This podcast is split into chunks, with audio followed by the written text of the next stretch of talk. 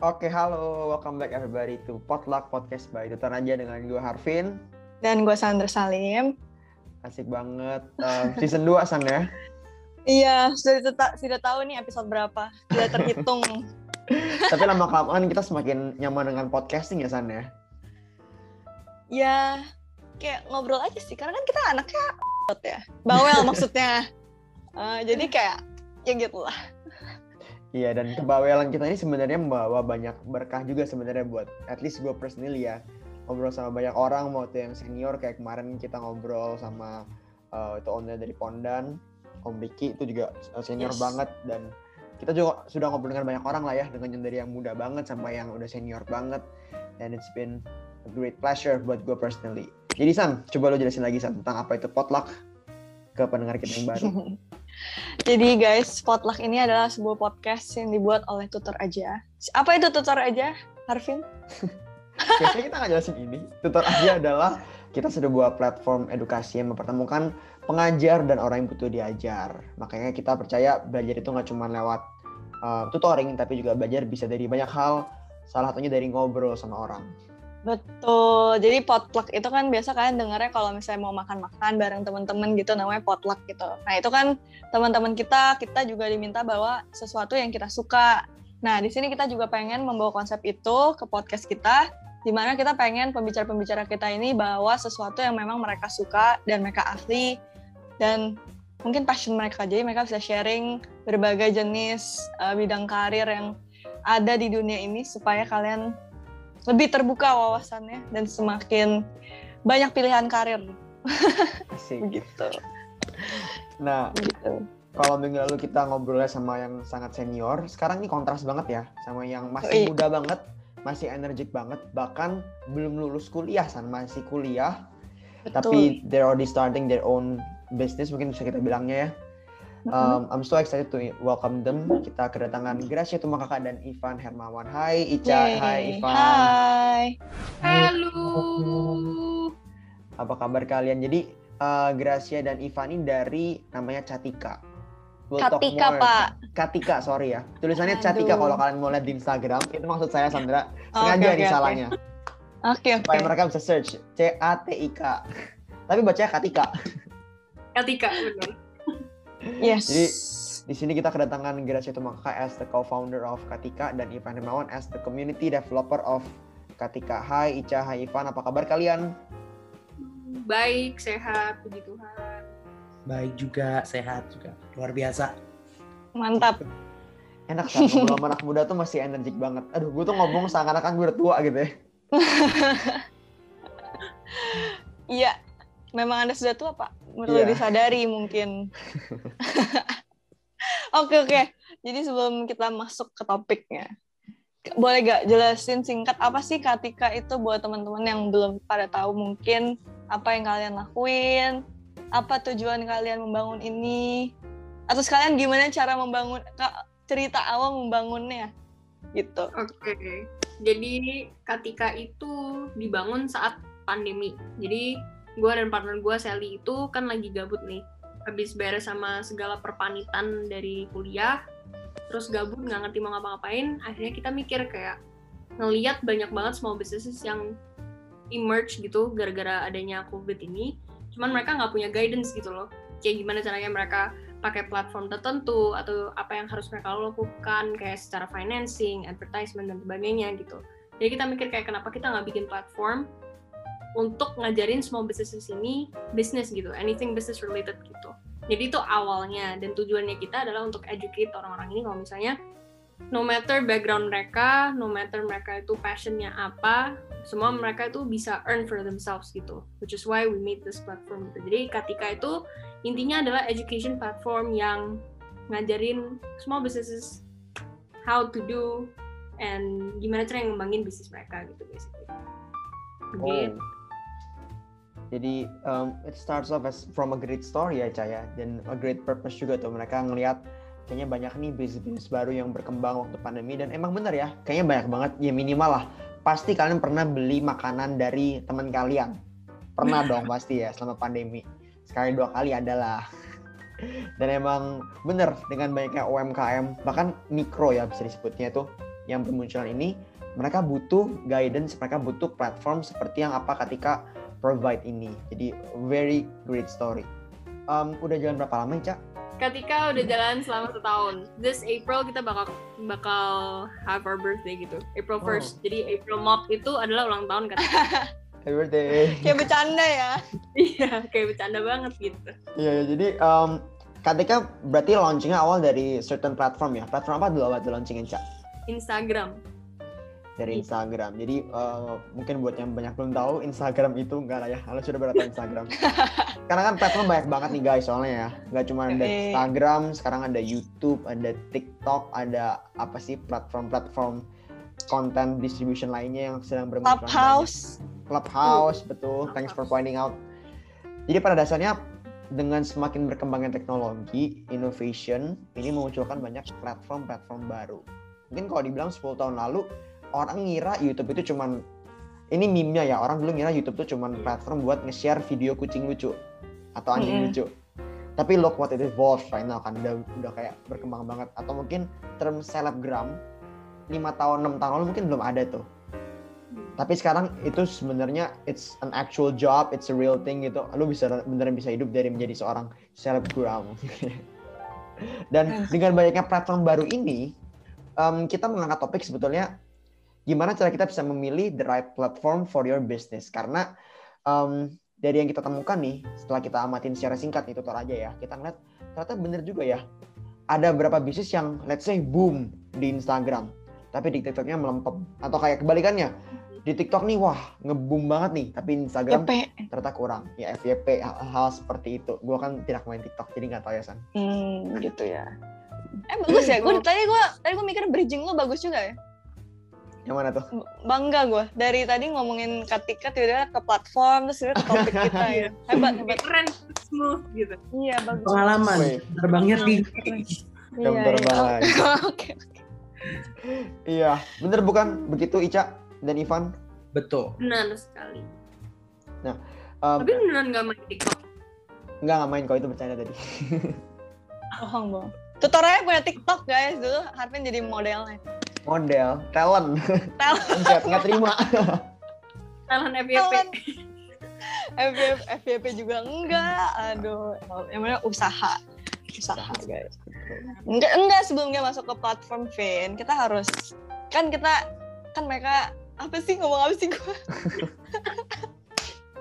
kan ketika ini eh, suka ngajarin orang juga tentang branding, pokoknya kayak hal-hal untuk membantu bisnis lah ya, eh, startup yang kecil, eh, startup bisnis yang kecil lah ya gitu. Nah, sekarang kita mau masuk ke berbagai jenis platform, mungkin kita bisa mulai dari basicnya dulu. Kayak apa sih itu marketing? Kalau misalnya apa yang dari mungkin dari kelas-kelas kalian atau yang apa kalian ajarin di biasa di Instagram atau di workshop kalian gitu. Menurut kalian apa sih marketing itu? bridgingnya lebih bagus nih ya Enggak jujur enggak. Smooth, banget dah. Smooth banget gitu. Bateri. Mungkin Ivan nih mau jawab karena dari tadi gue udah ngomong gitu. Oke. Eh. Kalau dari gue mungkin gue basicnya bisnis gitu kan, tapi dari Katika tuh gue juga belajar. Jadi nggak cuma sekedar gue belajar desain atau belajar apa, tapi gue juga belajar dari sosok Ica ini juga sih. Jadi kan dia jurusan branding, terus dia berbagi ilmunya nggak cuman ke buat dia sendiri juga, jadi bagi ilmu buat gue gitu. Gue yang punya project Biskrat dan Bisdev, jadi mikir dua kali untuk mungkin produk brand gue ini dimanain ya gitu. Gue mau nge-brandingin produk gue itu kayak apa. Nah, ibarat kata kalau misalnya gue bilang ya produk gue tuh sebenarnya bagus misalnya gitu semua orang jago nih kalau masalah ide gak ada yang nggak nggak pinter gitu lah istilahnya kayak orang pasti punya ide di mana pun dia jalan tiba-tiba ide terus apalagi ide itu kan bisa ditemukan di mana-mana gitu nah seberapa bagus ide itu menurut gue kalau lu nggak bisa ngemas jadi sesuatu yang cakep gitu masih jadi paket lengkap gitu rasanya nggak lengkap.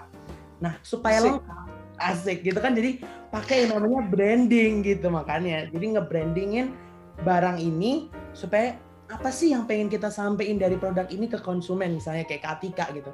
Oh kita tuh pengen jadi platform yang bisa memadai seluruh small business community gitu supaya mereka bisa belajar. Nah kita sampein itu kita kasih konten-kontennya gitu-gitu. Terus kita sampein dari kita eh, cara ngomong ke kita ke lewat pos-posannya gitu.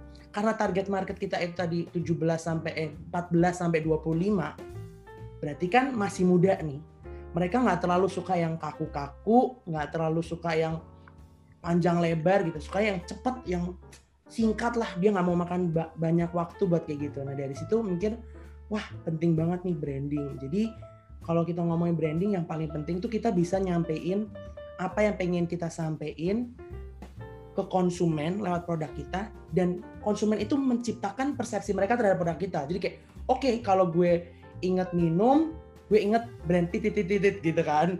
Nggak boleh sebut merek nih gitu. Misalnya kalau misalnya kita inget platform belajar gitu tentang bisnis ingatnya Katika atau misalnya tentang apa pun itu ada termuncul dari situ. Nah terus kita mau masuk ke marketingnya nih. Nah kalau kita udah berhasil nge-brandingin baru kita ke marketing. Seberapa penting marketing? Kalau gue ngomong tentang branding udah marketingnya gini. Bagus produk tapi tetap core dari bisnis itu apa? Jualan. Ngejualin produknya gitu. Nah dari ngejualin produknya itu perlu yang namanya strategi marketing yang baik. Nah itu sih. Kalau menurut gue tetap branding dan marketing itu agak berkaitan gitu kalau dari Ica gimana kalau gue kalau misalnya questionnya marketing itu apa basically marketing adalah gimana caranya lu communicate aja sebenarnya ke konsumen lu kayak kalau branding itu kan sebenarnya kayak first face-nya gitu aja kan supaya marketing lu kayak lebih jelas dan lebih terarah aja gitu. Kalau menurut gue marketing adalah gimana caranya lu bisa connect gitu dengan consumers lu. No matter channelnya apa dan sebagainya, marketing itu strategi untuk ngambil hati konsumen lu gitu. Oke. Gitu.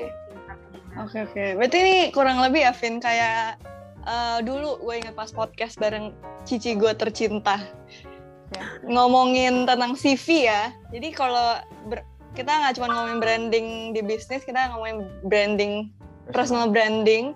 Kalau misalnya lu di kampus aktif, terus pintar, IPK-nya bagus, achievement-nya banyak, tapi pas mungkin pas interview kerja terus lu nggak bisa menjual diri lu kayak apa sih nih orang kayak jawabnya males-malesan gitu kayak duduknya juga nggak straight up gitu kayak bongkok terus kayak apa sih nih orang? gitu. Jadi pasti orang juga males gitu ngeliatnya walaupun CV lu kayak wow kayak keren banget gitu kan. Nah mungkin kalau di bisnis kayak gitu guys. Jadi uh, mau seenak apa pun makanan kalian kalau misalnya sesimpel packagingnya aja apaan sih nih packagingnya? Jelek banget gitu kayak packagingnya atau kayak uh, bahkan orang-orang yang mungkin bisa suka makanan lo atau produk lo, tapi mereka nggak tahu gitu ada produk lo di dunia ini gitu. Berarti kayak marketingnya nggak nyampe ke konsumen-konsumen yang lo targetin gitu kan. Gitu, Vin. Oke, okay, oke. Okay. Oke, okay, let's get practical sekarang ya, karena gue suka nih kalau pendengar kita bisa mendapatkan sesuatu yang praktikal banget nih dari podcast-podcast kita. Um, kita ngomongin branding sama marketing ini. Untuk yang for simple for starter deh benar-benar untuk pemula. Misalnya um, saya punya produk es teh manis gitu ya, es teh manis yang kekinian gitu. Coba menurut Ivan dulu kali ya dari Ivan. Ivan, kasih practical steps dong. Gimana caranya? Pertama, gue bikin brandingnya dari si es teh manis ini. Lalu kedua, kira-kira contoh-contoh apa sih yang bisa saya pakai untuk memarketingkan produk es teh manis saya ini? Uh, kalau es teh nih ya, pertama kalau misal ibarat kata es teh itu kan satu minuman yang basic banget gitu kan. Nah, harus gimana cara nyampein ke konsumen nih bahwa es teh ini tuh enak banget yang bikin beda sama es teh es teh yang lain gitu kan. Padahal es teh itu di pinggiran jalan dijual, di mana-mana dijual. Ya mungkin kita bisa bikin gini, oh es teh ini tuh pakai gulanya asli. Esnya juga diolah dengan kebersihan. Jadi orang itu ketika uh, ngejual produknya ini tuh nggak cuma sekedar es teh yang di pinggir harga 3000 2000 gitu kan. Tapi sorry guys es teh kita ini terbuat dari gula asli yang gulanya kita pilih gitu kan. Habis itu dan kita nih cocok nih misalnya es tehnya gulanya sehat buat orang yang gendut nih istilahnya gitu kan. Jadi beda pakai gulanya yang uh, low sugar gitu misalnya yang rendah kalori yang sehat gitu kan. Jadi kita pengen sampein itu jadi yaudah dengan begitu kita giring message dari yang pengen kita sampaikan ke konsumen ini lewat channel-channel yang ada. Misalnya kita bisa pakai uh, influencer, misalnya. Kalau Esteh terlalu uh, ini ya terlalu tinggi kalau influencer tapi nggak apa-apa coba aja gitu. Bisa bisa. Jadi lemes banget Iban nih terus jadi bisa pakai atau pakai word of mouth gitu kan yang basic.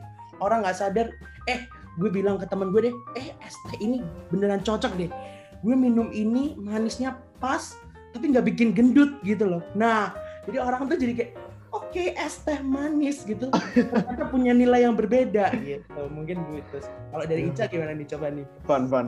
Orang-orang denger ini bakal ngira kita janjian nih, udah ngomongin bakal es teh. Nggak dikira kita dikira ini podcast eh, jualan ST kali pak.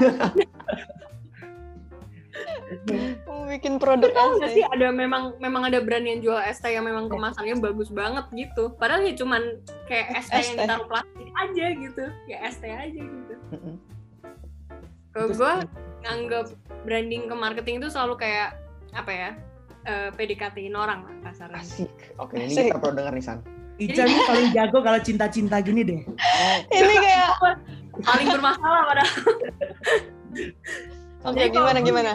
eh, gini, kita harus lihat dulu ke diri kita sendiri sebelum kita deketin orang kan. Kita harus lihat dulu apakah Oh, kita siap. betul. Bener kan? Ya, Betul, pelan-pelan ya. betul. Ini gue sambil self reflect soalnya nih. Ya. kita strength, weaknessesnya kita itu apa dulu gitu. Apa yang bisa kita tonjolin gitu kan. Berarti secara internal brand atau kita sendiri itu kita harus tahu dulu. Step kedua adalah kita harus lihat siapa yang bisa kita deketin gitu. Hmm, Oke, Ya kan? ini menarik sekali nih. Bener kan? Siapa yang benar kita benar karena nggak bisa deketin semua orang lah ya. ya Kalau bener besar banget gitu. buaya itu namanya. Itu Oh, iya betul betul. boleh. Nggak boleh itu. Nah, Betul. step kedua kan berarti masuk tuh. Kita cari nih, kira-kira siapa yang bisa cocok sama kita. Nah, itu kan pasti ada kayak, ya mungkin 4, 5 orang yang cocok sama kita lah. Nah, habis itu kita pilih satu. Siapa nih kira-kira yang mau kita deketin gitu. Nah, di situ targeting gitu. Kita target, kita pilih target market yang paling cocok sama brand kita gitu. Habis dari sana, udah tahu nih gue, kira-kira gue mesti deketin yang ini nih. Berarti sekarang gue mesti nyusun strategi. Gimana caranya gue bisa dapetin orang ini gitu. Nah strategi ini kita bilang sebagai marketing gitu. Nah baru dari strategi ini kita lihat kira-kira orang ini mainnya di mana ya TikTok kayak YouTube kayak Instagram kayak anggapannya kalau misalnya gue mau deketin orang dia ngeles nih jam 5 berarti gue harus standby di depan tukang bakso di depan les-lesan dia jam 5 gitu nah anggapannya kayak gitu kita harus berada di mana pun mereka berada itu strategi Oke. Itu zaman dulu banget ya, kayak "Ah, kayak dia les jam 5 deh gitu. Kalau sekarang mah tinggal kayak hmm, kayak dia aktifnya di IG ya. Hmm, jadi kayak yang penting gue slide into her DMs gitu. bener gue Eh. reply aja storynya waduh Oh iya, itu memang itu kayak cara paling umum sekarang Oke, ya untuk iya. mendekati orang, reply story orang. Kayak Mm-mm. belum ada risetnya, tapi gue yakin kebanyakan orang sekarang tuh jadian karena reply story. Gue yakin. Bener-bener, jujur gue punya dua temen gue lah yang kayak gitu, yang udah jadian sampai sekarang. gara-gara Oh, reply story dong iya beneran, reply reply terus kan kayak beberapa kali lah terus lama-lama kayak di chat lama panjang, eh keterusan. Gitu deh. Nyangkut deh. Nah, ngomongin kan tadi kita harus nyari nih nih orang kayak ada di platform apa sih nih di IG atau di atau mungkin lo mau cari orangnya di YouTube juga boleh gimana caranya nggak tahu. Oke, TikTok atau Twitter atau mungkin lain gitu-gitu ya. Nah, eh, kita kembali ke topik inti kita ngomongin platform. Nah, gimana sih kalau misalnya dari pacaran dulu ya ini analoginya ya. Gimana nih caranya kita supaya bisa memilih platform yang tepat untuk mendekati si calon ini. Si calon ini. Gimana Iya, supaya kita dapet gitu. Iya. kalau kita pertama kita harus tahu dulu gitu kan. Kita makanya kita pilih orang-orang yang kira-kira bakal kita deketin gitu. Nemu satu nah berarti kan kita pasti harus stalking dia dulu kan. Maksudnya anggapannya ya dia biasa main di mana dia sekolah di mana dan sebagainya gitu kan. Anggapannya kayak gitu. Cuman kalau bedanya sama konsumen setidaknya lu tahu luar dalamnya gitu loh. Kira-kira media exposure-nya dia itu apa? Itu yang untuk pertama kalau misalnya mau nentuin platform gitu kira-kira dia lebih sering main di mana? Kan itu sebenarnya bisa dilihat dari umur ya. Kalau Hmm. misalnya umurnya sebonyok gua gitu misalnya ya kebanyakan Facebook. Mereka ngelihat video Oh. TikTok pun dari Facebook gitu. Berarti main di Facebook gitu. Jadi dari media exposure itu penting banget. Jadi pinpoint dari analisa target marketnya itu adalah dari media exposure itu. Untuk ngelihat kira-kira mereka lebih sering main di mana gitu. kalau lu Van gimana? Gue sih setuju sama Ica. Bener banget kayak misal kita eh, lihat nih misal kalau tadi Ica ngomongnya bonyoknya yang main Facebook gitu kan. Sekarang kita ngomongnya yang kayak kita kita nih. Kita kita nih kadang sukanya yang visualnya bagus gitu kan atau misalnya konten yang entertaining gitu kan. Jadi kayak oh berarti apa? Oh ternyata dari segi umur dan dari segi great visualizations ada entertaining content berarti ada Instagram dan juga TikTok. Jadi sebenarnya nentuin itu benar dari target market dan bagian media exposure-nya gitu supaya kita tahu kira-kira yang cocok sama calon konsumen atau target market kita tuh siapa gitu sih. I see. Gue mau nambahin analogi nih San, karena dari tadi kita ngomong analogi nih ya. Analogi Hmm. Jadi anggapannya kayak lu udah tahu nih calon lu tuh sukanya cowok Korea misalnya. Mulai deh tuh lu potong rambut ala-ala Korea, pakai baju ala-ala Korea, K-pop K-pop gitu, supaya menyesuaikan dengan target market, bener nggak? Kayak Ivan. Oke, Bener. Ivan. Betul. Udah gitu dong sih. Jelas Kayak Gue yang loh, sibuk gue nungguin lagi. lanjutannya. Lagi loh. Oke. Enggak, enggak, udah. Gue gak jago banget. Tapi San, pembicara kita nih banyaknya, ini lucu ya. Hari ini kita belajar analogi eh, branding and marketing dengan cara apa? Melalui analogi PDKT. Dulu waktu sama Theo di CMS, dia menganalogikan pilih saham under value dengan cara apa sih? PDKT In, juga ya? main Tinder ya. Main Tinder, iya. Masih inget lo ya? Iya. Ma, iya ingat tapi dia nggak ceritain lengkap deh kayaknya. Itu eh, harus ikut workshop mereka. Oh iya. workshop workshop saham Iya dong, mereka ya. Kalau nggak rugi dia. iya betul. iya. Nah karena tadi kan jadi kalau gue rangkum ya tadi eh, supaya kita bisa memilih platform yang tepat lah buat bisnis-bisnis kalian yang baru mulai atau yang udah berjalan mungkin eh, dari target marketnya kalian cari dulu nih kalian umur berapa anak-anaknya. Misalnya orang-orangnya kalau mereka kan seketika ini kan 14 sampai 25 dari target market itu baru kalian cari deh kayak orang-orang seumuran 14 sampai 25 ini biasanya aktifnya di platform apa sih? Di sosmed apa? Dan mereka secara personality atau kayak uh, likes and interest mereka tuh kayak apa? Uh, branding dan marketing bisnis gitu. Jadi kalian harus menyesuaikan gitu nah kan kalau tadi udah tahu nih cara pilih platform yang tepat. Sebenarnya itu kan kayak terdengar simpel ya. Mungkin banyak orang yang belum tahu lah gitu. Makanya ada Katika guys. Mereka mengedukasi orang-orang yang belum tahu ini. Nah, karena banyak orang yang belum tahu ini, kayaknya eh, kalau sepenglihatan gue, kayak banyak lah orang-orang yang bikin small business sekarang pas pandemi, terus mereka berusaha lah bikin, mostly sih sekarang di Instagram sama di TikTok ya. Jadi kayak menurut gue kadang orang juga apa ya kayak berusaha banget gitu ya untuk mencari platform yang tepat tapi kayak belum ketemu aja gitu. Jadi mereka menggunakan banyak platform di berbagai tempat tapi kayak ra- rasanya belum tepat aja gitu di mana-mana gitu. Menurut kalian gimana nih tentang bisnis-bisnis yang eh, terlalu banyak lah platformnya gitu sekarang untuk channel marketing mereka? Mungkin pada dasarnya pertanyaannya kayak, is it a good thing or bad thing gitu kita masuk, kita apa namanya, tembak di semua platform. Yes yes pertanyaan gue udah Sebenarnya halu sebenarnya it's not a bad thing. Selama kita tahu kayak yang kita, lapangan yang kita mainin itu cara mainnya gimana gitu. Karena nggak semua platform kan bisa dipukul rata. Kayak misalnya TikTok itu lebih banyak main cerita. Makanya kalau misalnya kalau promosi atau apa, misalnya gue jualan aksesoris gitu. Mereka tuh inter- entertain dan merasa entertain kalau misalnya gue promosiin kalung ini dengan cara kayak Hai guys, jadi pelanggan aku kemarin itu LDR, jadi dia mau bikin dia LDR Turki sama Arab Saudi misalnya gitu. Jadi dia mau custom nih kalung gini gini. Mereka tuh suka cerita gitu. Nah, kalau di Twitter mereka suka threads, mereka suka threads yang kontroversial dan sebagainya. Kalau di Instagram mereka lebih suka visualisasi. Kalau di Facebook mereka lebih suka wording gitu loh. Jadi kalau misalnya nggak bisa semua dipukul rata, asal lu tahu cara mainnya di masing-masing platform, ya aman-aman aja gitu. Tapi Ivan mau Nah. kali ini. Nah, tapi bener banget. Ica tuh bener ngomong kayak kita tahu asal mainnya, tapi kita harus tahu dong kemampuan dari kita sendiri gitu. Apakah misalnya kita bikin bisnis berdua, kita udah ngurusin produknya, development produk, researchnya dan segala macam, dan kita ngurus juga berdua ini marketingnya segala macam, ingat sesuai kemampuan nggak gitu. Apakah dengan masuk ke semua platform itu adalah baik kalau misalnya kita maksain? Kalau misalnya nggak mampu, mendingan nggak usah sih sebenarnya. Mendingan kalian fokus ke satu dan benar-benar tepat buat kalian gitu daripada kalian maksain buat masuk ke seluruh platform tapi kalian nggak bisa ngehandle nah mungkin ada sedikit tips dari kita gitu kalau misalnya kita pengen uh, masuk ke semua platform kita bisa uh, pakai jasa intern gitu Jadi kita minta kita buka intern. Nah ini supaya apa? Supaya mereka juga kita share juga nih pelajaran buat mereka, tapi mereka juga bantu kita nih. Jadi win-win solution gitu.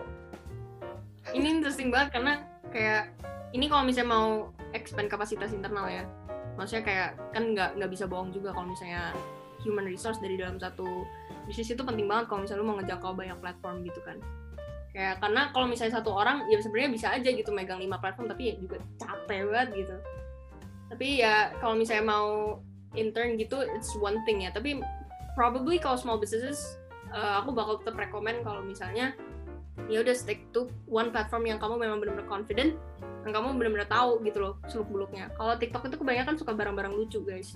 Jadi kalau kalian jualan slime kalian jual plushie yang bisa dibolak balik kayak apa itu biasanya main TikTok. Kalau Instagram biasanya yang terkaitan dengan influencer dan sebagainya gitu. Jadi kalian mesti search more on the platform yang bias, bisa cocok atau enggak. Kalau misalnya kalian jualan dropship sepatu yang kayak uh, Adidas KW atau apa gitu ya itu biasanya di Facebook Marketplace dia main kenceng gitu. Jadi kayak gitu tuh kalian harus lihat dulu kayak masing-masing platform itu lebih menonjol di mana gitu. Kalau misalnya kalian small business kan. Jadi stick to one kalau misalnya kalian mau fokus dan kalian tuh memang jalanin sendiri gitu. Oke. okay.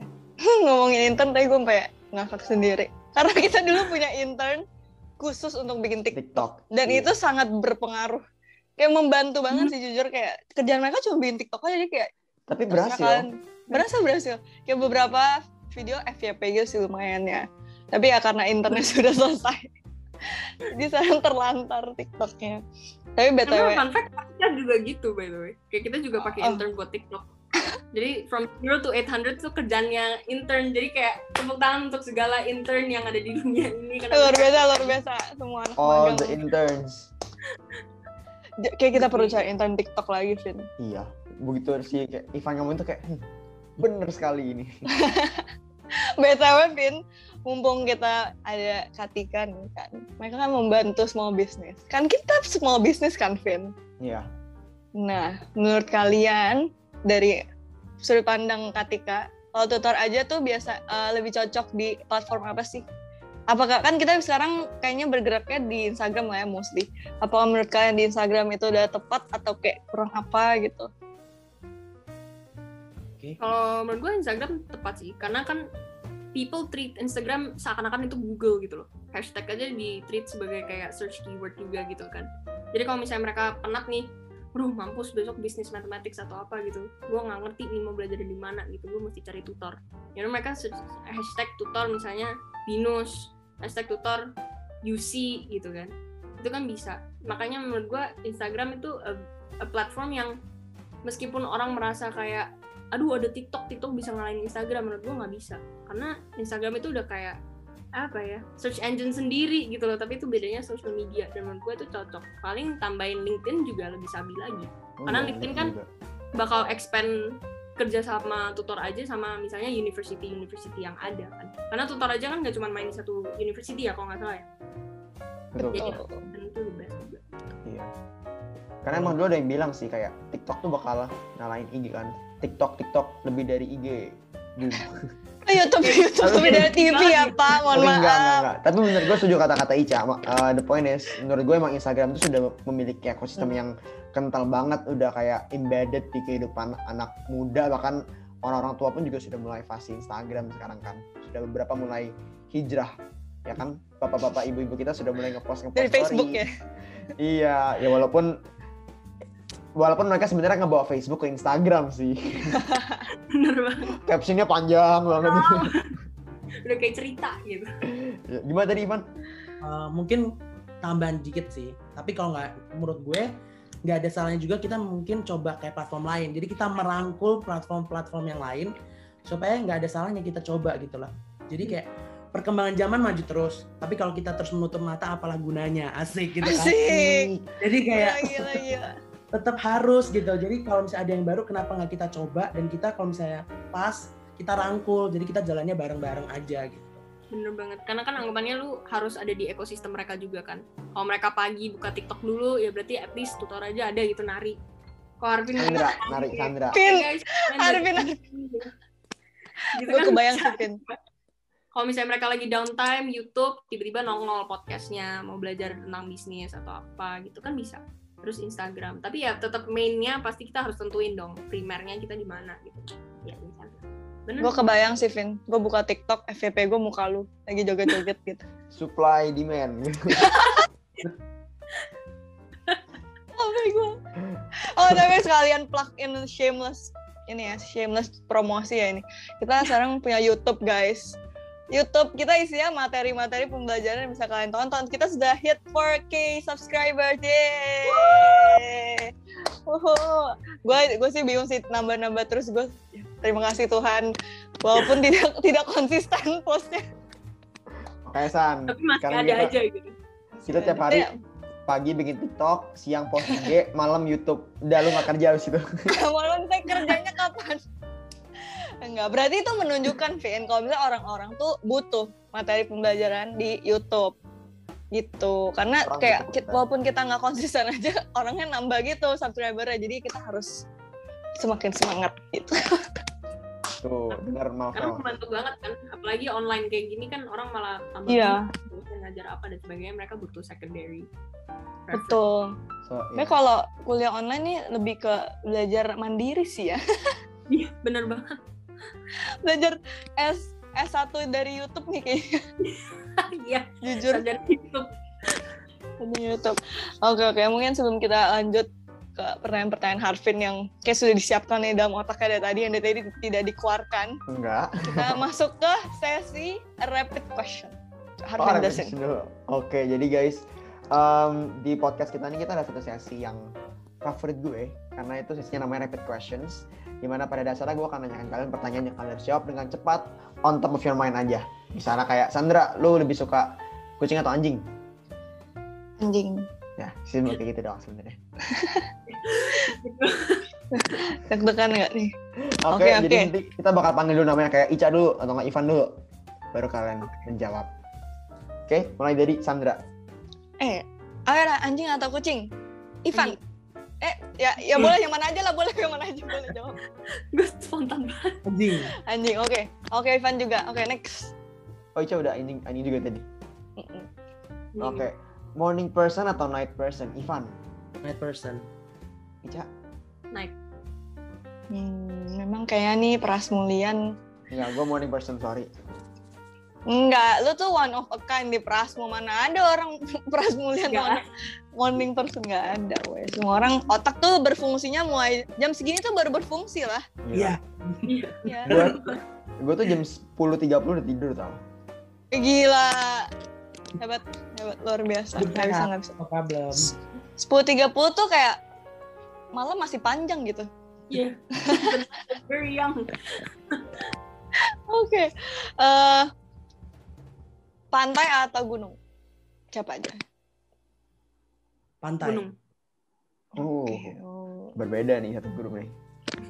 Oke, ini harus cepet ya. Ica, describe yourself in three words. Ambitious, humorous. Mm, I can't. One. Another one. Ambitious, humorous, and fun. Oke, oke. ambitious, humorous, and fun. Ivan, Evan, Ivan. Hmm. Hmm. Bingung nih. Hmm, Gak enakan. Nggak enak, nggak Terus. Oke, gak enakan. Suka banget humor. Lebih dari tiga kata semua dong ya. Iya. Lu bikin paragraf. Oke. Saya Itu nggak maksudnya enakan. Iya, su- suka humor banget. Terus gak enakan. Sungkanan, eh, sama aja dong sungkan. sama dong, mohon maaf. Intinya emang gak enakan sama sungkan. Terus Ya udah. Gimana ini? empatinya ini banget gitu. Tinggi. Tinggi Tinggi gitu. Jadi kayak gampang Oke. gampang apa gitu. Melo lah. Aduh. Sanguin, Aduh. sanguin. Gila, gila. Aduh, gue pengen nyari pertanyaan lagi. Lucu banget. Oke, eh tea or coffee? Ti. Coffee. Oke, em, kasih salah satu quotes favorit kalian. Evan, If you want you can. Asik. Ica, Practice makes perfect. asik. Oke oke. Uh, uh, uh, uh, uh, uh, vanilla or chocolate? Vanilla. Vanilla. Oke, ini buat pasangan ya. Pilih yang funny atau yang romantic. Ica. Nih, eh, Tadi. Hehehe, Evan. Sabar, sih Santai. Fanny. Santai. jangan santai. apa nih, Cak? Kok Lu sama-sama? nyari, lu nyari banget gitu ya. Apa tadi Van yang funny? Iya. Ica Fanny. Cocok dong. kan suka humor kan. Emang mereka dari awal suka humor. Dua-duanya lucu lagi nih, Deta. Waduh, Aduh. langsung Ivan Ivan langsung slide to her DM. Reply story gue. Ya, sorry, play, sorry. Kering ya. Ica bikin Waduh. story sekarang. Gue bikin sekarang. Uh, books or movies? Movies. Oops. Okay. Um, one thing that you would change about yourself. You would like to change about yourself. Ivan. Nggak enakan. Oke. Ica. Nggak enakan gue udah datang. What? Nggak enak.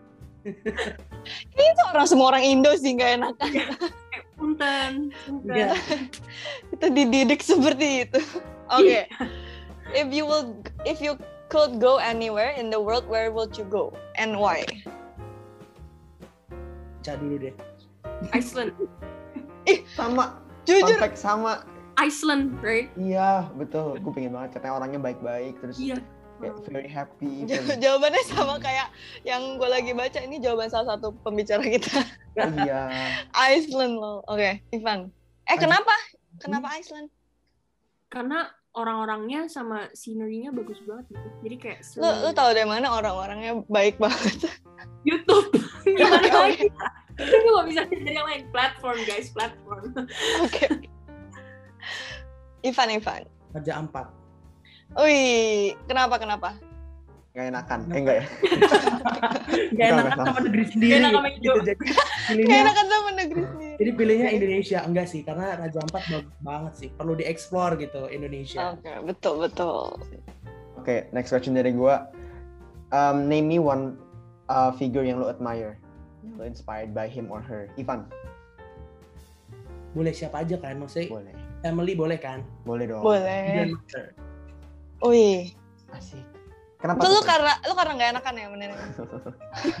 Karena dari kecil dididik untuk selalu berbuat baik sama sesama gitu. Jadi- Oke, Van gue lagi ngelawak lu, lu gak ketawa, nggak nggak ketawa gitu. Oke, gue ketawa sekarang. Oh, gak Pokoknya terlambat. Terlambat ketawanya, oke. Ica. Ica. Eh, oma gue. Oh, sama. Kenapa, Cak? Cocok, cocok. Karena oma gue karena meskipun eh, dia disakitin du- dunia, dia masih pursue what she wants. Gitu. She knows what she wants. Gitu. Baik ya. Jangan-jangan omong kalian sama nih. Saudara ya kalian. Baik banget kayak omongnya. Jadi sweet home Alabama banget dong. Aduh. Oh my God. Oke, last dari gue. Makanan yang kalian lagi ngidam. Nasi kulit. Surga. Siapa? Nasi kulit. Nasi kulit. Nasi kulit Nasi kulit malam minggu. Lo nggak? gak pernah makan nasi kulit, San? enggak apa tuh? Ya, nasi sama kulit apalagi. Namanya juga nasi Kulit. kulit. Kulit ayam gitu maksudnya. Ya, masa kulit sapi? Iya, bener sih.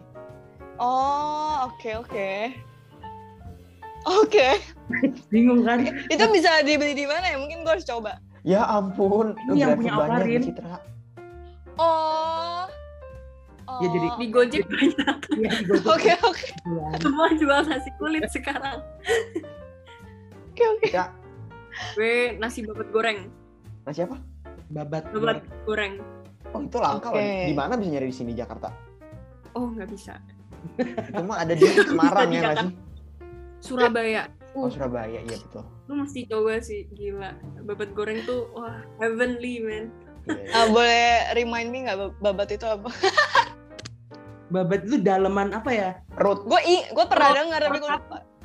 Teksturnya kayak Oh. karpet gitu. Iya, yang Ya, warna ya, ya. hitam. Tapi kalau if it's cooked right, buh, Hmm. yums. Kalau hmm, kalau dia nggak bisa masak bau. Bau betul. Tapi kalau pas, hmm, Oke, berarti um, di mana resto apa yang paling enak? Surabaya. Iya enggak resto di Surabaya kan banyak gitu. Eh babat goreng TK Gosien. Jadi tuh kayak gerobak bener-bener di samping TK gitu taman Oke. kanak-kanak legit. oke.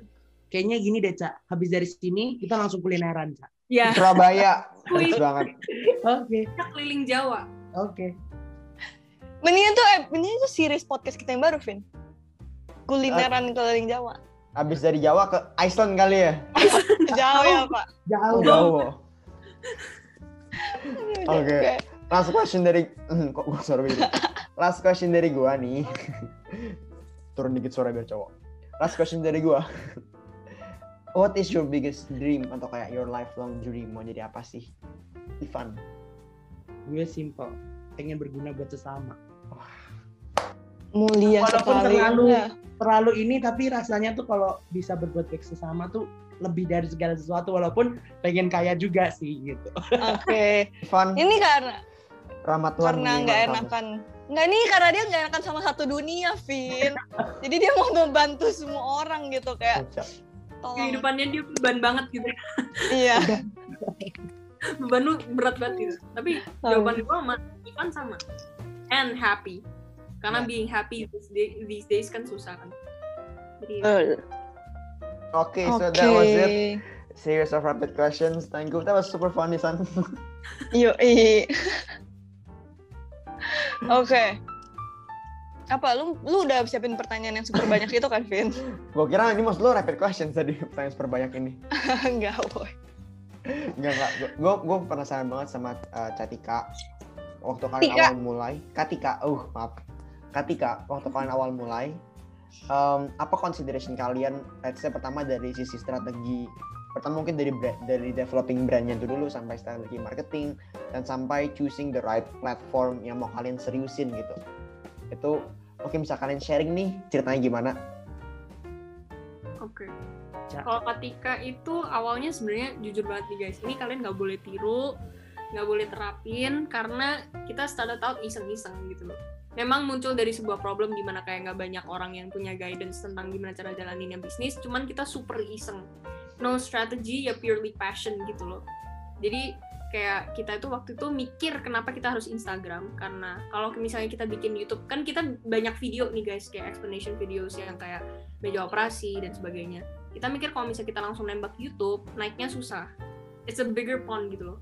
Jadi kenapa kita milih Instagram at first? Karena selain mereka juga uh, anak-anak muda kebanyakan mainnya di sana. Kedua adalah IGTV belum banyak yang main gitu and it's easier to gain views di kolam yang masih kecil daripada kolam yang udah gede banget gitu. Jadi kita mikirnya kayak oke platform yang paling tepat untuk kita adalah pertama Instagram. Kita gedein dulu nama kita di sana. Uh, puji Tuhan kita udah lumayan. Maksudnya it's a good improvement and growth for one year gitu. Dan kita made a lot of friends. Dan dari sana baru kita expand misalnya ke YouTube ke Spotify ke TikTok ke Twitter dan even satu ada kita ada satu uh, app lagi Hello karena kita mau ngejangkau menengah ke bawah banget gitu. Dan Hello app itu kayak satu social media baru yang isinya memang benar-benar menengah ke bawah gitu. Jadi itu benar-benar social media yang all round banget. Bisa video bisa posting kayak Facebook dan sebagainya. Banyak banget yang di sana. Jadi kita mau try out itu juga. Jadi kalau kita kebanyakan our method is simply trial and error sih karena kalau misalnya kita start out as a media paling gampang ya trial and error dan kalau misalnya it doesn't work ya don't do that again cari another pathway itu sih itu our story di awal gitu Ya jadi sambil jalan ya figure things out. Gimana Ivan ada yang mau tambahin? Enggak, udah lengkap banget tuh tadi Ica. Udah dari ujung udah tersampaikan dan terkemas dengan baik. Jadi cukup. Betul. Tapi keren banget ya mereka uh, masuk ke platform yang tidak banyak orang tahu. Maksudnya kayak uh, nggak cuman nggak di lingkungan nggak di circle kita lah gitu. Kalau Hello kan maksudnya kita nggak pernah dengar, jarang dengar gitu. Ya, gue Iya. baru lihat juga kayak ini app apa gitu. kayak baru pernah lihat juga logonya gitu kayak nggak pernah lihat. Eh tapi berani banget sih berani untuk masuk ke platform-platform yang tidak mainstream gitu. Keren. Nggak ada salahnya nyoba sih karena ujungnya juga kita bakal review that app aja juga ke audience kita jadi kan it's tambahan insight aja gitu tentang platform yang ada gitu Iya, coba hal baru lah ya. Kayak mungkin di awal-awal waktu ketika mulai, apakah TikTok sudah tenar? Setahun lalu kayaknya udah mulai tenar ya. udah mulai mulai. Tapi Belum waktu mulai. kita pertama kali jerit mulai masih Instagram, belum terlalu TikTok. Karena orang masih nganggep TikTok tuh alay banget kan. Jujur ya Iya. dulu. Iya kan. Dan kita mau kayak sebenarnya ya kasarannya kita mau raise credibility in a fun way. Cuman kita juga nggak mau alay gitu loh. Jadi kita nggak nyemplung TikTok. Tapi ujungnya juga nyemplung juga, joget juga. Jadi Apa joget juga? clown, iya, joget juga. Gitu. Ya semua akan TikTok pada waktunya ya. Iya, tapi what I like about these two guys adalah mereka ini kelihatan banget bahwa mereka ini um, mendalami banget dunia sosial media. In a sense bahwa kayak mereka benar-benar surfing the whole applications, nyobain new stuff. Jadi kayak misalnya tadi Ica sama Ivan cerita tentang um, bukan stereotip ya, mungkin lebih kayak ke typicality-nya TikTok tuh kayak gimana sih, tipikalnya Facebook, gimana cara buat post engaging di Facebook tuh keywords-nya atau enggak key points siapa aja. Nah, hal-hal seperti ini tuh penting banget kalian pertama of course kalian ikutin platform-platform seperti ketika untuk mendengar pengalaman dari orang lain kan? Yang tadi di- diceritain Ica itu mungkin adalah rangkuman dari pengalaman dia surfing scrolling through TikTok berjam-jam mungkin ya atau mungkin kumpulan berhari-hari dia scroll TikTok dia kumpulin nih in a nutshell this is how TikTok works. In a nutshell gini kayak caranya Instagram works. Dan itu kan takes time jadi bagus banget buat kalian dengerin um, rangkuman orang lain mengenai experience mereka tapi nomor dua juga paling penting kalian juga harus actually dive deep into it ya nggak harus sering main Instagram juga sering main TikTok juga jadi kalau kalian dimarahin sama papa mama kayak kamu nih main TikTok terus ya ma aku lagi riset Bener aku banget. lagi riset Aku lagi kerja, Ma. oh Oke. iya Aku nggak mau jadi beban keluarga. Aku kerja. Jadi ini rebahannya produktif gitu. Iya. Iya. Nggak rebahan ini working position aku emang. Model baru, Bun. ya tapi emang uh, especially kalau bagian kerja lu adalah bagian social media. It's very important buat lu mengetahui medan perang lu dong ya. Kayak dibilang di Art of War Sun Tzu lu harus tahu banget tuh medan perang lu gimana. Kalau di sosmed ya harus tahu banget TikTok tuh gimana Instagram tuh gimana especially buat produk lu. Karena dan again bener kata Ica sama Ivan tadi nggak bisa dipukul rata men. Produk lu um, roti kekinian sama produk lu gelang emas di TikTok pun beda cara mainnya pasti. Di YouTube pun beda cara mainnya. Jadi again ini tuh um, of course ada beberapa trik umum yang bisa mungkin antar Ivan sama Ica share tapi ada beberapa certain things yang kalian harus in a sense kayak punya get a grip into it. Kayak Iya. tahu gitu loh ini loh gue tahu um, kayak misalnya Kopiter Desan gue cerita tentang teman gue dia ngejalanin wedding organizer dan dia main TikTok at that time belum ada tuh WO yang main TikTok. Cuma dia bilang kayak gue udah ngerti nih Vin. Gue trial and error. Banyak yang kagak FYP banyak yang kagak ada views sama sekali. Tapi beberapa yang FYP ini gue pelajarin. Sekarang dia kalau bikin post yang uh, sekarang kalau dia bikin post kayak dalam 6 post satu FYP karena dia mulai mengerti trennya gimana pasarnya gimana. Ya kayak PDKT lah ya. Awal-awal lu masih gak ngerti. Kok tiba-tiba dia bete ya? Kok dia nggak suka ya kalau gue gini ya tapi kan semakin dekat semakin dekat makin ngerti nih oh gue tahu nih dia nggak suka diisengin dia nggak suka didiemin misalnya seperti itu. Jadi makin mengerti medan perang. Jadi itu uh, that part kalian harus experience. Kalian harus dalemin harus gagal juga harus mengetahui secara sendiri secara personal. Mungkin Ica sama Ivan sekarang bisa share nih. Um, general do's and don'ts-nya di beberapa platform. Let's say TikTok, Instagram, YouTube mungkin kali ya. Mungkin Ica bisa share beberapa, Ivan bisa share beberapa. Instagram dulu ya. Do's probably perhatiin visualisasi kalian. Desain kalian tuh penting banget. Maksudnya nggak terlalu harus yang kayak Photoshop, Adobe Illustration dan sebagainya itu nggak harus sampai segitunya. Canva is enough gitu loh. Tapi setidaknya kalian tahu gitu kayak Oke, kalau misalnya brand aku ini, aku biasanya pakai warna merah, kuning, oranye, ya udah I stick with merah, kuning, oranye gitu. Jangan sampai yang lain gitu. Karena visualisasi orang ingetnya kayak oh iya warna ini itu brand ini gitu. Jadi kayak kalian punya, harus punya ciri khasnya kalian. Jadi stick to that. Don'ts jangan banyak wording. Especially kalau di dalam postnya juga ya. Jadi kayak maximum 1 sampai 2 kalimat. Unless kalian bener-bener mau bikin quotes yang cerita kayak titik sendu kayak gitu tuh orang bakal bela-belain untuk baca gitu. Caption juga not many people baca caption sekarang zaman sekarang. Jadi paling kayak kalian kasih brief aja gitu. Dan always do hashtags karena hashtags itu meskipun kayak nge-spam banget tapi itu bakal ngebantu kalian untuk naik gitu loh. Dan di discover sama account di discover sama account account yang probably bukan reach belum reach kalian. Untuk ads I don't really recommend it at this point karena lagi boncos banget. Jadi kalau misalnya by the time ini podcast naik harusnya masih boncos. Tapi it's worth a shot juga. Tapi cobainnya 30.000 ribu dulu deh per hari gitu. Cobain ads 30.000 ribu itu untuk uh, ngetes juga kira-kira market mana yang bakal nerima ads kalian gitu itu do's and don'ts untuk Instagram mungkin Ivan mau do's and don'ts TikTok Oke, okay, kalau do's and don'ts dari TikTok, mungkin kalau yang do's tuh kalian tuh bikin konten yang menarik. Sebenarnya orang ngomong emang gampang ya jadi TikToker gitu kan. Maksudnya nggak ada yang gampang di dunia ini gitu loh. Chandra udah gini banget gitu kan.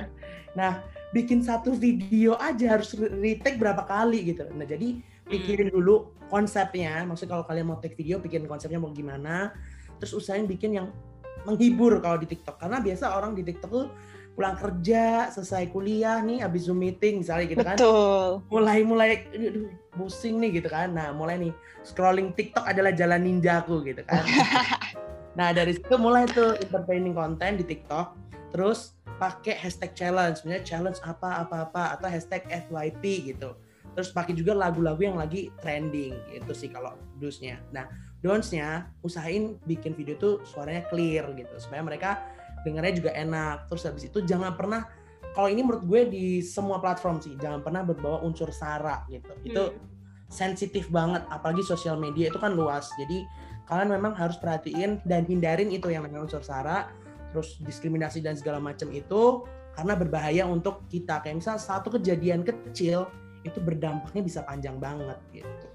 Sama paling TikTok kayak kalian postnya itu dari jam 9 pagi sampai jam 9 malam. Itu kayak time range-nya untuk FYP di algoritma bulan ini. Itu kemarin uh, kita ngobrol sama kayak tiktoker Jovian itu adiknya Eva Alicia kalau misalnya kalian tahu Eva Alicia yang punya She Wears Gold gitu.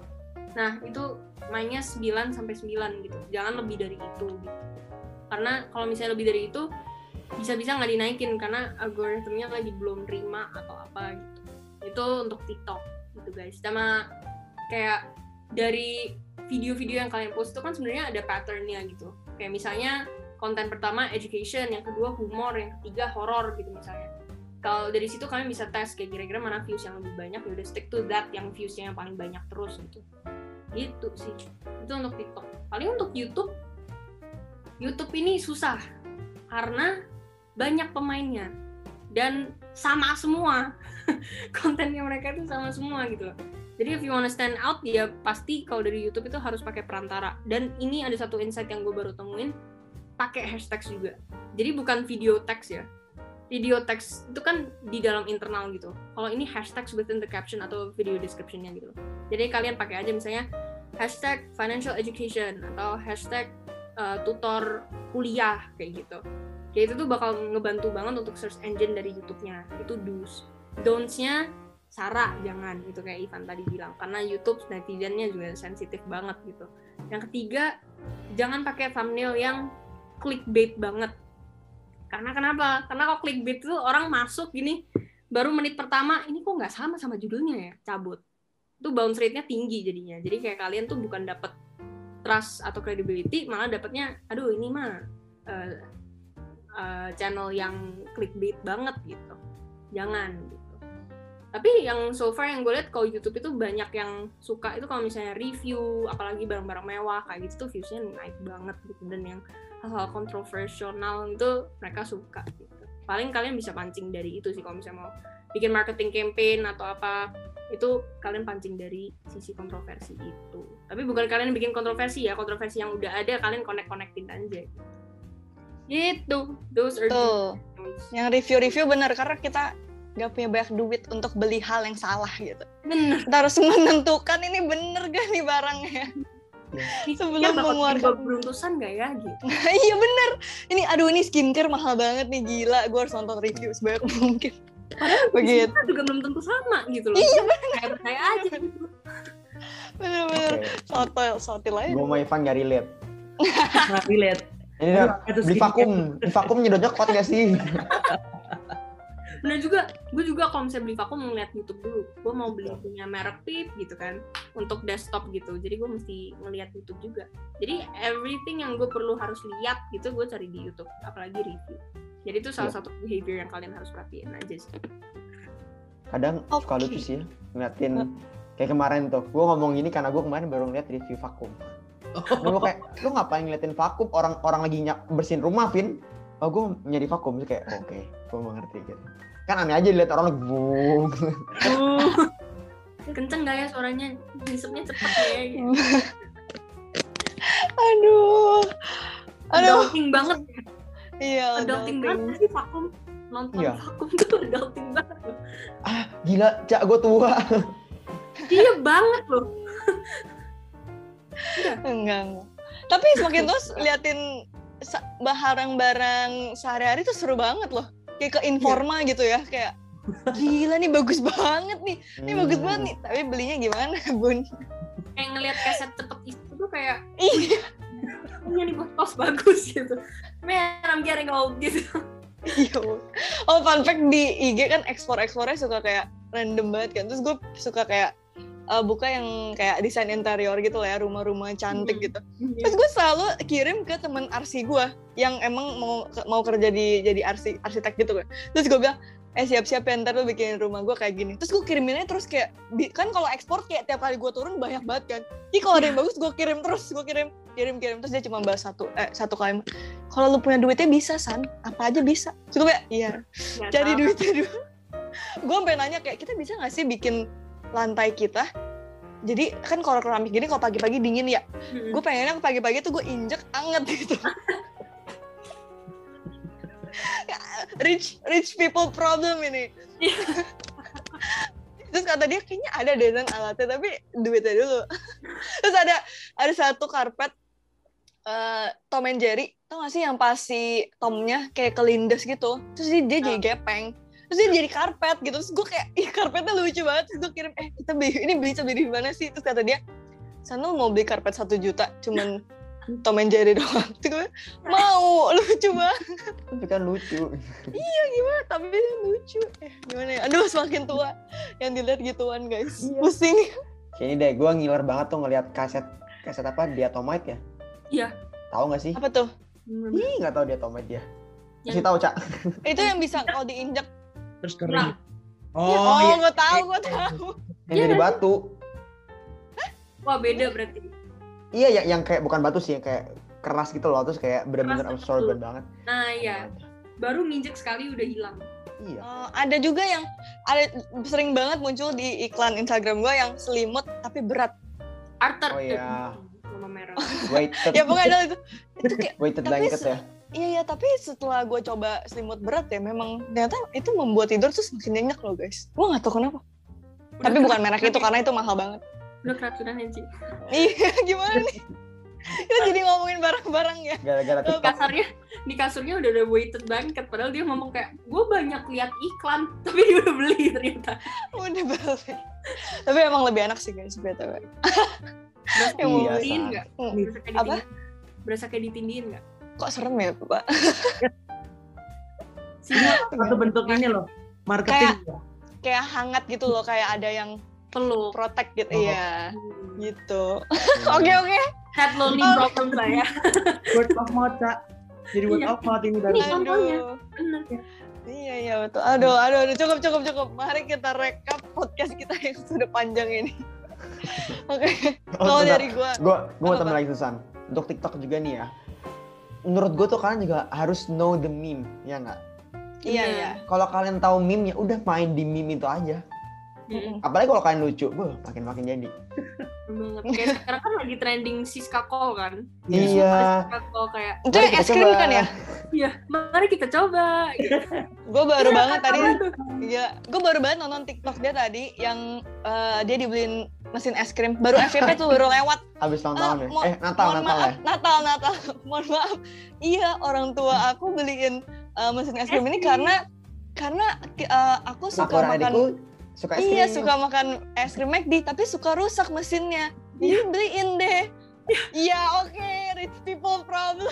kalau bonyok gue ya udah nggak usah makan es krim batuk gitu batuk Iya. Aduh, lucu banget sih gue tadi. keren dan emang tiap akun tuh kadang tuh ada khas. mereka sendiri kan kayak misalnya kalau kalian tahu Joshua Kenji dan Om Alyongnya itu oh kan iya, iya. lucu banget tuh kan kayak I believe you Ya, Itu lucu banget. baby girl baby girl tapi itu keren Oh, sih berarti- kayak salah satu kayak yang dinantikan orang-orang gitu mana nih I Mm-mm. believe you kok belum keluar Iya. Berarti memang kita harus punya satu intern, Vin. Kerjanya cuma nonton TikTok aja. Nonton TikTok aja dulu semalaman tuh nonton. Kerjaan job desk ntar kalau mau cari intern, kerjanya nonton TikTok gitu 24 jam. Cari Kriteria tren. hafal setidaknya 5 jogetan TikTok ntar interviewnya harus nari gitu coba tadi salah satu Oke, kalau ada yang mau jadi intern TikTok kita boleh DM kita ya, guys. Mm-mm. Yang mau jadi intern TikTok, Katika juga boleh DM mereka. boleh Kita semua butuh. Kita nyari banget yang bisa naikin FYP tuh susah banget Iya, susah banget. Alright, udah udah boleh gue rekap, Pin. boleh boleh boleh Boleh, oke. LDH ini dari perbincangan kita yang sangat panjang ini, yang gue paling ingat adalah kalau mau memilih platform yang tepat, kenalin dulu. Enggak, kita pakai analogi lagi aja. Kenalin dulu pasangannya, orangnya yang lu mau deketin kayak apa, terus baru deh lu cari tahu dia mainnya di mana gitu. Terus jadi cocok gitu, ketemunya di sana di Instagram misalnya gitu. Nah kalau kalian punya bisnis cari dulu target market kalian siapa. Jangan terlalu terburu-buru lah ya. Dan kalau misalnya memang nggak ada waktu untuk fokus ke semuanya, daripada semuanya kayak B aja, mendingan fokus ke satu yang kayak wow gitu. Daripada kalian kayak ah gue mau di Instagram, mau TikTok, Facebook, YouTube, gue mau semuanya gitu. Jangan pelan-pelan guys. Nanti kalau kalian udah punya intern, baru suruh mereka kerjain.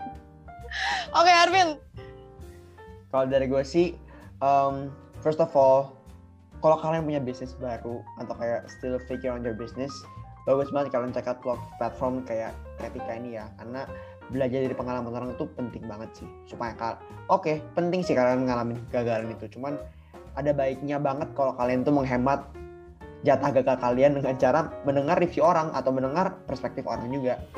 First of all dari branding dan marketing gue juga baru lihat sebuah tata itu memang sangat penting sih dari awal. Kalian harus clear banget what are you doing? Gitu. kayak what is your business doing? What are you good at? What's your business good at? Target market lu siapa? Make it as clear as possible. Dan kalau udah punya identity dari brand lo yang udah clear messaging outnya itu jadi gampang lebih enak.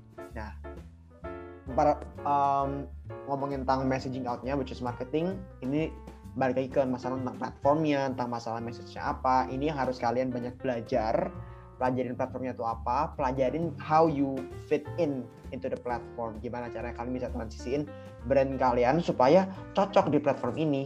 Dan yang paling penting adalah terus belajar lah ya dari contoh juga dari Ica dari Ivan mereka kan bisa cerita banyak seperti tadi bisa cerita tentang daging-dagingnya cara berkonten di TikTok di Instagram dan sebagainya ya karena mereka sudah mengalaminya dan mereka belajar dari pengalaman-pengalaman mereka. Jadi pada dasarnya kita harus bisa ngelihat opportunity dari banyaknya platform yang ada ini dan bagaimana kita sebagai terutama millennials ya kita tuh semakin um, konsumtif konten. Dari konten TikTok, Instagram segala macam. It's a habit tapi at the same time it's also an opportunity. Karena berarti konten-konten itu sema eh sorry platform-platform itu semakin melekat di kehidupan kita sehari-harinya. So it is a big opportunity yang harus kita pelajari dan kita harus bisa seize this, this opportunity. Either itu buat bisnis, personal branding dan sebagainya oke jadi kurang lebih itulah yang gue dan Sandra pelajarin hari ini. As usual biasanya kita kasih chance buat Ica sama Ivan untuk say final last few words say apa message kalian ke audiens kita. Promosi juga boleh. Oke. Mungkin dari gue buat kalian yang para small business owner yang kalian bingung mau mulai dari mana, pastiin kalian mulai aja dulu karena ibarat tok eh jadi promosi e-commerce nih. Jadi kayak tetap harus mulai aja dulu, jangan pernah takut untuk salah gitu. Coba aja karena dari situ kita bisa trial and error gitu. Kayak mulai mungkin kita sama kita tuh salah karena kita nentuinnya uh, kurang tepat gitu. Nah, tapi balik lagi, kalau misalnya kalian takut salah, nggak akan benar-benar juga gitu. Jadi kalau kalian bingung, mau nanya apa tentang small business owner, kalian bisa join ke small business uh, community-nya Katika di Instagram kita @katikagro gitu. Shameless plug ya guys. Mungkin bagi kalian yang tadi denger Ivan ngelek ya, gue selipin kali ya menurut gue. Jadi you guys sebagai uh, small business owners itu nothing is perfect lah. Maksudnya kayak kayak quotes yang gue suka juga adalah practice makes perfect. Kalian harus kayak nyemplung dulu gitu loh ke medannya baru kalian bisa tahu lihat gitu kayak kira-kira apa yang gue harus lakukan dan sebagainya. And mistakes are completely normal, sumpah. Mistakes are completely normal. Kita juga mulai dengan nggak ada plan dan sebagainya cuman we can get there gitu loh as long as we memang mau belajar dan evolve gitu bareng sesuai prosesnya. Gitu guys. Thank you so much for having us eh by, by the way by the way gimana sih cara orang ikut komunitas kalian? Dan apakah itu berbayar atau gratis atau bagaimana? Silakan kalian terhormat okay. Ivan Hermawan. Jadi kalau kalian pengen join small business community-nya Katika kalian langsung DM kita. Kak aku mau join uh, eh, SBC Katika dong gitu. Nanti kita akan kasih formnya kalian, nanti kita kasih link kalian buat join dan kita have fun bareng-bareng dan belajar bareng-bareng tentunya gitu. Oke, jadi ini nggak ada pungut biaya sama sekali atau gimana tuh? Wow. Oh, terus kenapa dari dulu kita nggak ikut ya, Vin? Iya. Sandra, klik linknya. Eh, klik klik linknya. Oke, habis itu DM, tolong. Habis itu DM langsung. Mantap. Oke, Thank you Katika, thank you Ica, thank you Ivan for the time dan sharing-sharingnya hari ini. Arvin. Oh ya, yeah, thank you so much. Gue ngangkut ya. Kelihatan begonya nih. Thank you banget uh, Ica dan Ivan. It was so fun dan insightful juga at the same time. Bisa ngobrol sama kalian berdua. Bener-bener menurut gue daging banget nih dari yang kita omongin masalah social media Mantap. dan stuff. Um, ini kayak menurut gue sih bener-bener ringkasan banget lah secara compact gimana cara kalian basic awal do's and don'ts uh, what you should do apa yang menarik dari tiap platform ini. Um, bagus banget buat kalian dengerin. Oke okay, kurang lebih sih begitu. Ya Hasan yes oke. Okay. sampai jumpa lagi di episode selanjutnya yang semakin seru pastinya. Sampai jumpa. Eh gimana sih endingnya biasa kita? Udah gitu ya dari gua. sampai jumpa di potluck podcast by tutor aja episode selanjutnya. Bye bye guys. See you. Oke okay, bye bye